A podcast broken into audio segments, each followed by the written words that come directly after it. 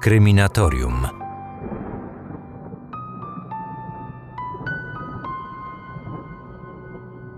Dziś ponownie zajmiemy się taką dosyć archiwalną sprawą. Bohaterkami tej opowieści będą dwie pokojówki siostry Papin.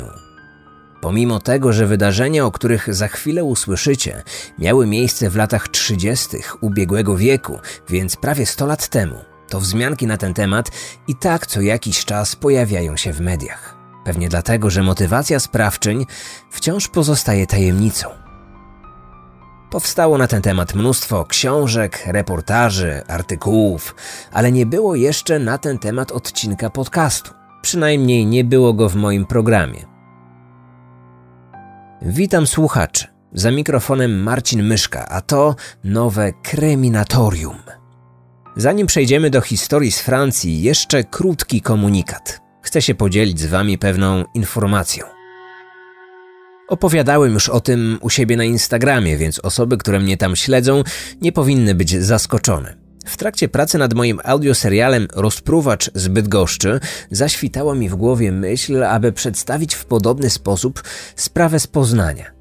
W historii tego miasta jest pewna szczególnie mroczna i przerażająca postać.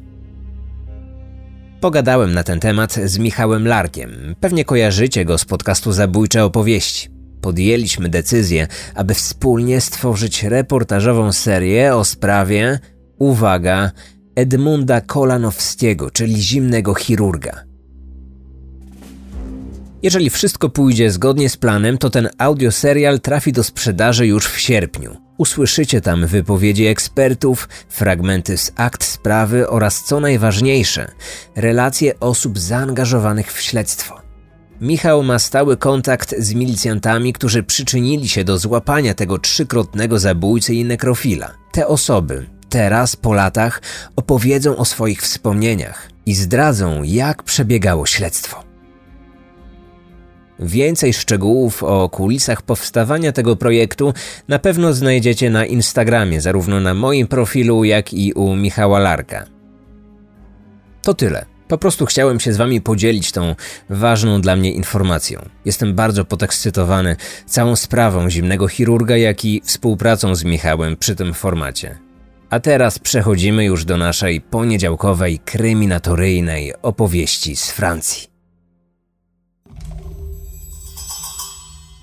Otwieramy akta tajemnic.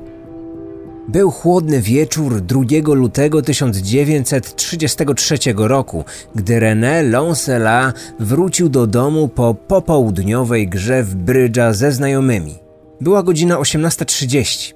Mężczyzna spodziewał się zastać w domu swoją żonę i córkę Genevieve. Powinny być już gotowe na wieczorne wyjście. Cała rodzina planowała tego dnia zjeść obiad poza domem. Gdy mężczyzna dotarł jednak do drzwi wejściowych, zorientował się, że są one zablokowane od środka. Próbował dostać się do wnętrza. Pukał, ale w domu panowała całkowita cisza. Rozejrzał się. Zauważył, że w oknie na strychu widać słabe światło świecy. Ten pokój zajmowały dwie jego pokojówki siostry, Christine i Leia Papin. Był zdziwiony brakiem odpowiedzi. Takie sytuacje wcześniej się nie zdarzały. Nie chciał włamywać się do własnego domu. Zdecydował o zgłoszeniu sprawy na policję. Po około dwóch godzinach oczekiwania na żonę i córkę poszedł na najbliższy komisariat, aby tam prosić o pomoc. Policja natychmiast przyjęła zgłoszenie i od początku sprawę potraktowała bardzo poważnie. Policjanci podejrzewali, że mają do czynienia z włamaniem, a cztery kobiety znajdujące się w domu zapewne zostały związane.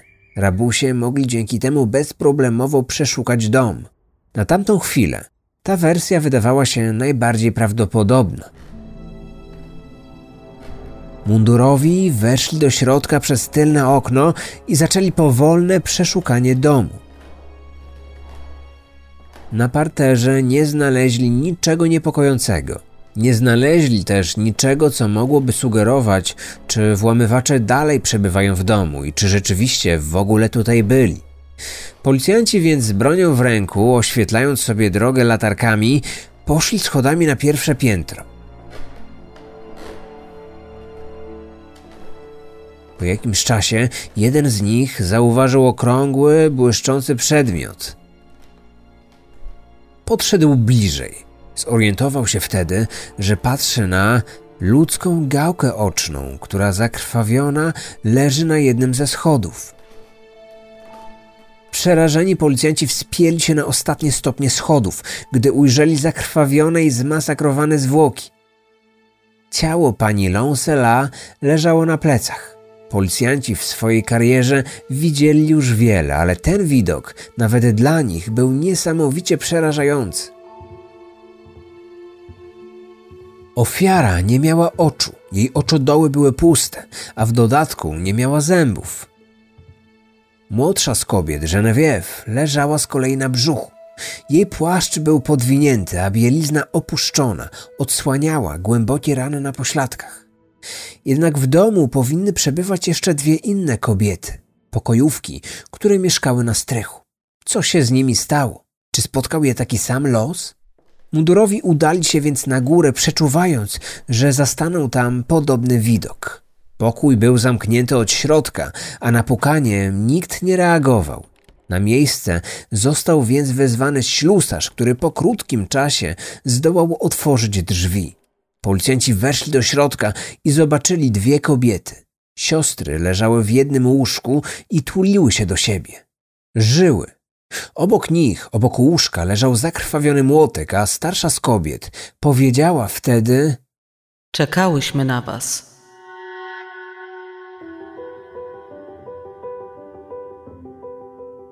Starsza z pokojówek, Christine, przyszła na świat w roku 1905 jako drugie dziecko w rodzinie. Ojciec miał już wtedy coraz większy problem z alkoholem, a matka zmagała się z depresją. Kobieta w końcu wyznała mężowi, że opieka nad dwójką dzieci ją przerasta. Mała Christine została oddana pod opiekę ciotki. Kilka lat później na świat przyszła trzecia córka pary, Leia. Dom, w którym dorastała dziewczyna, był pełen kłótni, agresji i alkoholu. Z tego powodu Leia stała się dzieckiem bardzo cichym, zestresowanym i wycofanym.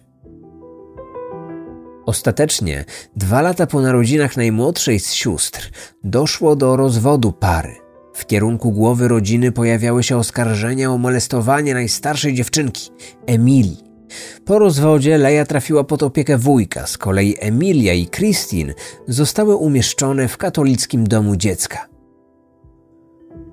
Najstarsza z sióstr po kilku latach wstąpiła do zakonu. Od tego czasu ucięła jakikolwiek kontakt ze swoją rodziną i o jej dalszej historii nie wiemy zbyt wiele. Christine, dla której Emilia była zawsze wzorem, postanowiła pójść w jej ślady. Też chciała zostać zakonnicą, jednak temu sprzeciwiła się matka. Pełnoletność w tamtym czasie we Francji osiągało się w wieku 21 lat. Do tego czasu to rodzice mieli decydujące zdanie o tym, gdzie mieszkały ich dzieci. Zdanie matki było decydujące. Plan był taki, aby Kristin i Leia trafiły do domu zamożnej rodziny, gdzie mogłyby pracować jako pomoc domowa. Ich matka chciała zrzucić odpowiedzialność za dzieci z siebie na kogoś innego. Taki obrót zdarzeń umożliwiłby też jej wygodniejsze życie. Matka sióstr chciała czerpać z tego pieniądze. Kristin uznała takie rozwiązanie za korzystne w tej sytuacji. Nie tylko mogła zdobyć doświadczenie, ale także odciąć się od matki. Kristin i Leia miały tylko siebie. Mimo, że dużą część swojego dzieciństwa spędziły osobno, ich więź była bardzo silna i umacniała się z każdą chwilą spędzoną razem. Siostry nie wyobrażały sobie życia osobno. Nawet podczas poszukiwania pracy stawiały warunek, że muszą być zatrudnione razem. W roku 1927 Christine rozpoczęła pracę u państwa Lonsela, a dwa miesiące później dołączyła do niej młodsza siostra. Państwo Lancela razem z córką Geneviève mieszkali w przestronnym domu w La Manche, niedaleko Paryża. Ich życie było typowe jak na przedstawicieli klasy społecznej, do której się zaliczali. Częste spotkania towarzyskie, zakupy czy gra w karty. Wszystko to umilało im czas i sprawiało, że dni płynęły po prostu szybciej. Pokojówki wprowadziły się do ich domu jako stała pomoc domowa. Dwa lata później siostry zaprzestały jakiegokolwiek kontaktu ze swoją matką, zaczęły ją nawet nazywać wtedy tą kobietą. Od momentu zamieszkania u swoich pracodawców całkowicie odcięły się od otaczającego je świata. Siostry nie wykazywały żadnego zainteresowania życiem społecznym czy kulturalnym poza swoim własnym towarzystwem. Kawiarnie, teatr, kino czy potańcówki były dla nich zupełnie nieatrakcyjne. Jedynym wydatkiem, na którym siostry nie oszczędzały, były nowe ubrania. Najprawdopodobniej kupione, by podobać się samym sobie oraz sobie nawzajem. Siostry miały swój własny pokój, który ocieplany był ogrzewaniem elektrycznym, a na tamte czasy to był luksus. Niewiele pokojówek mogło pochwalić się podobnym statusem życia. Ponadto siostry całkiem dobrze zarabiały, mogły nawet coś zaoszczędzić. Każdego dnia miały dwie godziny wolnego czasu, a to także było rzadkością, jak na tamte czasy, jeżeli chodzi o pracę pokojówek. Christine i Leia najczęściej komunikowały się tylko z panią domu, która wydawała im codzienne polecenia odnośnie ich pracy.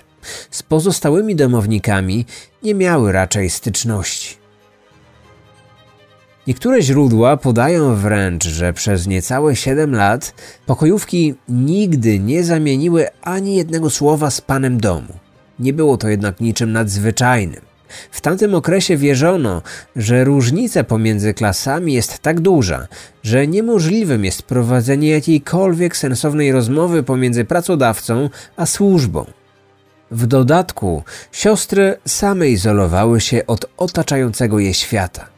Tak opowiadał o tym sam pan domu, w którym pracowały.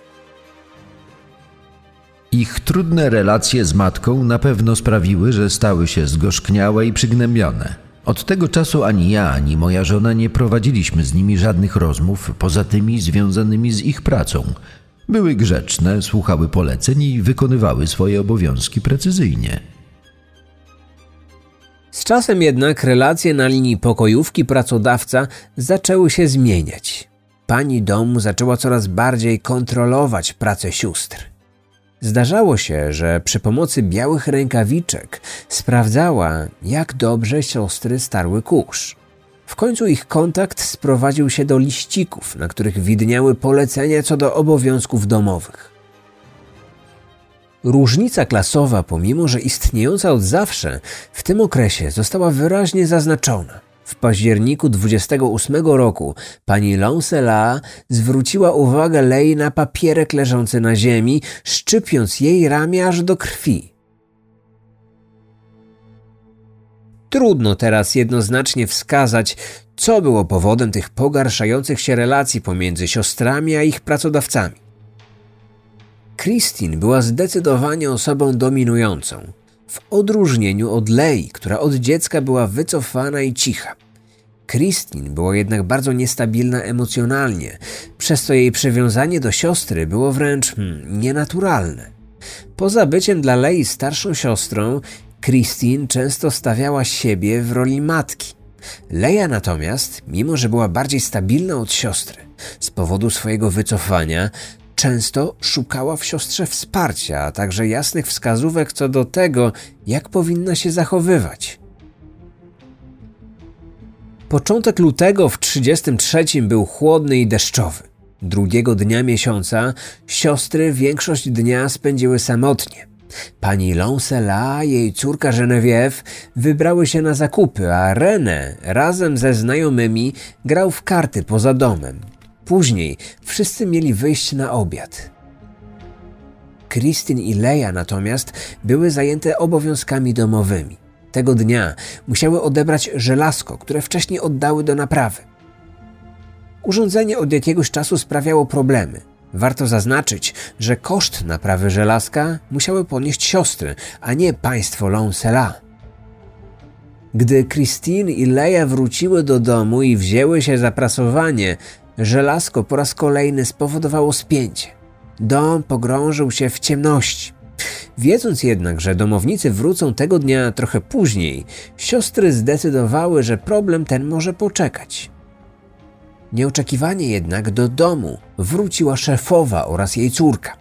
O tej sytuacji podczas przesłuchań opowiadała później starsza z pokojówek. Kiedy pani wróciła do domu, poinformowałam ją, że żelazko znowu jest zepsute i w związku z tym nie byłam w stanie prasować. Była na mnie wściekła. Wyglądała, jakby zaraz miała się na mnie rzucić. Wszystkie stałyśmy na pierwszym piętrze przy schodach. Kiedy zauważyłam, że pani chce mnie zaatakować, skoczyłam na nią pierwsza i wydłubałam jej oczy. Zrobiłam to gołymi rękami. Po chwili jednak Christine zmieniła zdanie co do przebiegu zdarzeń. Opowiedziała, że najpierw rzuciła się z wściekłością na młodszą Genevieve, wydłubując jej oczy, po czym jej siostra Leia, podążając jej śladem, wydłubała oczy pani domu. Gdy obie kobiety zostały oślepione, Christine udała się piętro niżej do kuchni. Stamtąd zabrała nóż i młotek. Wróciła na piętro i wtedy zaczął się brutalny atak, podczas którego obie siostry bezlitośnie dźgały i uderzały swoje ofiary. Szczególnie celowały w głowę i nogi. Do ataku użyły także cynowego garnka, który akurat leżał w pobliżu. Zadawały nim tak silne ciosy, że wkrótce był on wygięty i poobijany z każdej strony. Kilka razy wymieniłyśmy się narzędziami. Mam na myśli to, że ja podałam mojej siostrze młotek, tak żeby ona mogła nim atakować, a w zamian ona dała mi nóż. To samo zrobiłyśmy z cynowym garnkiem. Ofiary zaczęły płakać, ale nie pamiętam, aby cokolwiek mówiły.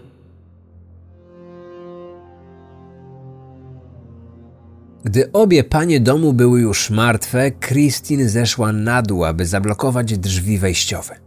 Przyznała, że zrobiła to, bo nie chciałaby pan domu natknął się na ciała żony i córki przed przyjazdem policji. Następnie obie siostry spokojnie poszły do kuchni, gdzie obmyły się z krwi. Gdy znalazły się z powrotem w swoim pokoju na strychu, zamknęły drzwi na klucz, rozebrały się z zakrwawionych ubrań, nałożyły koszule nocne i obie położyły się w tym samym łóżku. Tam też, w takiej sytuacji, zastała ich policja, która dokonała natychmiastowego aresztowania. Niektóre źródła sugerują nawet, że siostry były nagie w momencie zatrzymania. Nie próbowały uciekać czy zrzucać winy na kogoś innego. Od początku przyznawały się do ataku i sprawstwo nie budziło wątpliwości. Zastanawiać mógł jedynie motyw.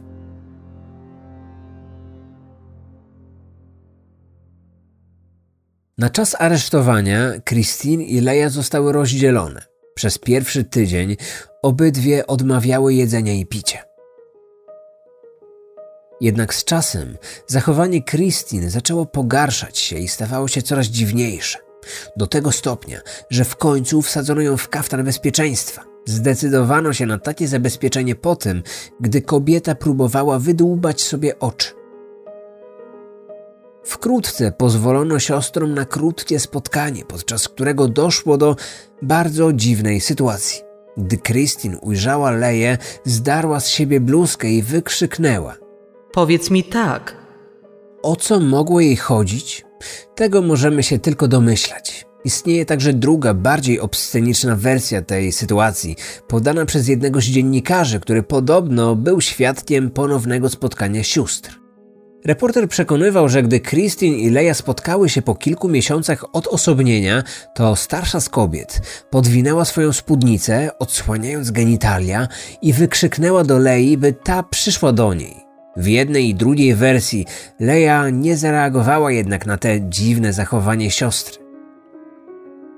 Opisy tych sytuacji umocniły krążące od dawna plotki, że relacja pomiędzy siostrami to jednak coś więcej niż tylko siostrzana miłość. Gazety relacjonowały każde dziwne zachowanie Christine, pisząc o tym, że w nocy wykrzykiwała imię swojej siostry. W związku z tym pojawiło się przypuszczenie, że jednym z motywów zbrodni mógł być fakt, że pani Lancela, podejrzewając, że jej pokojówki łączyło coś więcej, wróciła 2 lutego do domu wcześniej niż planowała, właśnie po to, aby przełapać je na niestosownym zachowaniu. Jednak specjaliści, którzy badali kobiety, uznali, że pomiędzy nimi nie istnieje żadna inna niż siostrzana relacja. Kobiety te nie są w żadnym wypadku zdeprawowane, nie cierpią na żadną chorobę psychiczną i nie są obciążone żadnym brzemieniem choroby genetycznej. Z intelektualnego, afektywnego i emocjonalnego punktu widzenia są one kompletnie normalne. Wbrew tej opinii zeznawał podczas procesu powołany przez obronę lekarz, wybitny psychiatra tamtych czasów, który twierdził, że w zachowaniu sióstr występuje element e, seksualnego sadyzmu. Twierdził on także, że osobowość młodszej siostry została totalnie zniszczona przez dominującą osobowość tej starszej. Lekarz wnioskował w sądzie o dalszą obserwację kobiet, o przeprowadzenie dodatkowych badań, ale sąd zdecydował, że nie ma takiej potrzeby i uznano siostry za poczytalne. Podczas procesu sióstr we wrześniu 1933 roku sędzia zapytał o seksualny podtekst ich relacji. Starsza z kobiet odpowiedziała – Byłyśmy zaledwie siostrami, pomiędzy nami nie było niczego innego. Czy były to prawdziwe słowa? Możemy założyć, że siostry nie chciałyby publicznie przyznawać się do kazirodczego związku. Tym bardziej, że w tamtym czasie były na nie skierowane oczy całego społeczeństwa. Te wątpliwości nie ustąpiły nawet po wydaniu wyroku, po całym procesie, kiedy to jeden z psychiatrów w taki sposób skomentował całą sytuację. Sprawiały wrażenie posiadania anormalnej relacji, takiej jak kochankowie. Nigdy nie opuszczały domu, nie wiadomo też nic o ich przygodach emocjonalnych z innymi osobami. Kiedy były rozdzielone podczas pobytu w areszcie, Christine znajdowała się w najgłębszej rozpaczy. W przypadku takiej sytuacji Christine przypisywało się stereotypową męską rolę, natomiast Leia była przedstawiana jako bardziej posłuszna, zdominowana kochanka. Co ciekawe, znana jest anegdotyczna opowieść z młodości sióstr, gdy te wybrały się do wróżki, która wyjawiła im, że w przeszłości, w poprzednim wcieleniu, Christine i Leia były mężem i żoną. Historię tę opowiedziała ponoć sama Christine, gdy przebywała w areszcie. Obrona w trakcie procesu wspominała o historii chorób psychicznych, które odnotowano w rodzinie oskarżonych. Ich kuzyn zmarł po latach przebywania w szpitalu psychiatrycznym. Ich dziadek przejawiał akty agresji pojawiające się znikąd oraz miewał napady epileptyczne, natomiast ich wujek popełnił samobójstwo. Wszystko to miało wskazywać na to, że siostry posiadają genetyczne predyspozycje w kierunku niezdiagnozowanej choroby psychicznej. Możliwe, że starsza Christine cierpiała na jakąś bliżej nieokreśloną w tamtym czasie chorobę psychiczną, co umożliwiało wytworzenie się pomiędzy siostrami bardzo fascynującego, a zarazem tajemniczego zjawiska. Kiedy szalona osoba powoduje szaleństwo w kimś, kto jest im bliski, w parze tej zawsze znajduje się podmiot aktywny i pasywny. Dokładnie tak stało się w tym przypadku. Starsza z sióstr była podmiotem aktywnym, wydającym rozkazy, młodsza natomiast była pasywna i posłuszna. Siostry zaraz po aresztowaniu utrzymywały, że obie winne są zbrodni w takim samym stopniu. Wersja ta jednak nie wytrzymała próby czasu i licznych przesłuchań. W ich trakcie bardzo wyraźnie zarysowała się ta dominująca osobowość Christine, a także wycofanie i posłuszeństwo Lei. Mimo, że zbrodnia sióstr odbiła się szerokim echem we Francji, a opinia publiczna domagała się surowej kary, to nie wszyscy potępiali zachowanie pokojówek. Część obserwatorów, a także niektóre z francuskich gazet w zbrodni sióstr widziały długo nadchodzący bunt klasy robotniczej. Mówiono o całej sprawie w taki sposób. To była zbrodnia zrodzona z buntu, zbrodnia popełniona z biedy, zbrodnia spowodowana wykorzystaniem. Siostry odrzucały swoje warunki życiowe i nie bały się działać.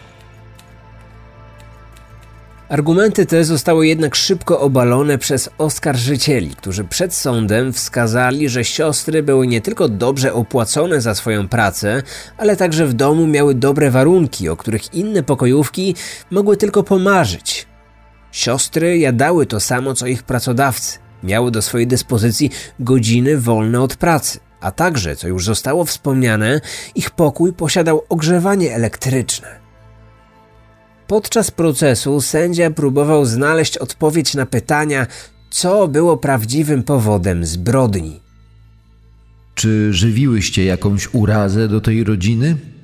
Wspomniana została społeczna nienawiść pomiędzy pracodawcą a pracownikiem, ale nie o to chodziło w waszym przypadku, prawda? Przecież same wspominałyście, że nie odczułyście poniżenia związanego z waszym zawodem. Mówiliście, że praca pokojówki to praca jak każda inna. Szanowałyście więc swoich pracodawców? Pomimo licznych teorii i opinii prezentowanych w sądzie czy na łamach francuskich gazet, nie wiadomo było, co stało za brutalną zbrodnią. Być może nie wiedziały o tym nawet same sprawczynie. Jasno wskazywali na fakt, że siostry w chwili popełnienia zbrodni były niepoczytalne i należałoby umieścić je w szpitalu psychiatrycznym. Prokuratura natomiast wyraziła swoje stanowisko w następujących słowach. Skoro zachowały się jak dzikie zwierzęta, powinny być potraktowane tak samo. Jedna musi zostać wyeliminowana, druga natomiast musi zostać na zawsze odizolowana. Ława przysięgłych uznała siostrę za poczytalne i winne popełnionej zbrodni. Christine została skazana na śmierć przez publiczną dekapitację. Leję natomiast uznano za zupełnie zdominowaną przez swoją starszą siostrę. Została skazana na 10 lat ciężkich robót. W momencie odczytywania wyroku, Christine upadła na kolana, co było jedynym przejawem emocji, które okazała podczas całego procesu. Leja złożyła natychmiastową apelację od wyroku. Christine natomiast zaprzestała jakiejkolwiek walki i zaakceptowała decyzję sądu. Warto wspomnieć, że już po zakończeniu procesu prasa wciąż wyrażała duże zainteresowanie sprawą. Coraz częściej pojawiały się pytania o stan psychiczny sióstr i czy moralnym jest, by jedna z nich została skazana na karę śmierci pomimo istniejących wątpliwości co do stanu jej zdrowia psychicznego. W listopadzie 1933 roku apelacja Lei została odrzucona. Natomiast w styczniu następnego roku ówczesny prezydent Francji zmienił wyrok Christine z kary śmierci na dożywotnie ciężkie roboty. Po przeniesieniu do więzienia stan zdrowia Christine stale się pogarszał. Odmawiała jedzenia, godzinami wpatrywała się w ściany swojej celi. Często powtarzała, że nie zasługuje na to, aby żyć, bo przecież została skazana na śmierć. Podczas spotkania z Leją, Christine zaprzeczała nawet, że ta stojąca przed nią kobieta jest z nią spokrewniona. Ona jest ładna, ale to nie jest moja siostra. W końcu Christine została przetransportowana do szpitala psychiatrycznego. Tam miała przejść kolejne badania. Stwierdzono u niej melancholię. Christine coraz bardziej pogłębiała się w swojej chorobie psychicznej i totalnie odcinała się od świata zewnętrznego. 18 maja 1943 roku umarła w następstwie odmawiania spożywania posiłków. Leja natomiast dość szybko dostosowała się do życia w więzieniu. W fabryce ubrań przeciwdeszczowych, gdzie pracowała, była uważana za dobrego pracownika, a jej charakter oceniany był jako łagodny. Co ciekawe, Leja po uwięzieniu utrzymywała regularny kontakt listowny ze swoją matką, która w tym czasie pracowała jako kucharka i pomoc domowa. Po 10 latach od skazania, w wieku 31 lat, Leia została wypuszczona z więzienia i zamieszkała ze swoją matką. W tym czasie zaczęła posługiwać się imieniem Marii oraz kontynuowała pracę pokojówki i sprzątaczki. Zachowała kilka pamiątek po swojej starszej siostrze, które były dla niej bardzo cenne. Zmarła w 2001 roku, w wieku 89 lat i zabrała ze sobą do grobu wszelkie tajemnice dotyczące tej brutalnej zbrodni. Odcinek powstał na podstawie książki Rachel Edwards i Keitha Readera, encyklopedii zbrodni, zbrodnie i kara, dokumentu The Crimes of the Papam Sisters. Wykorzystano także informacje znalezione w artykułach internetowych.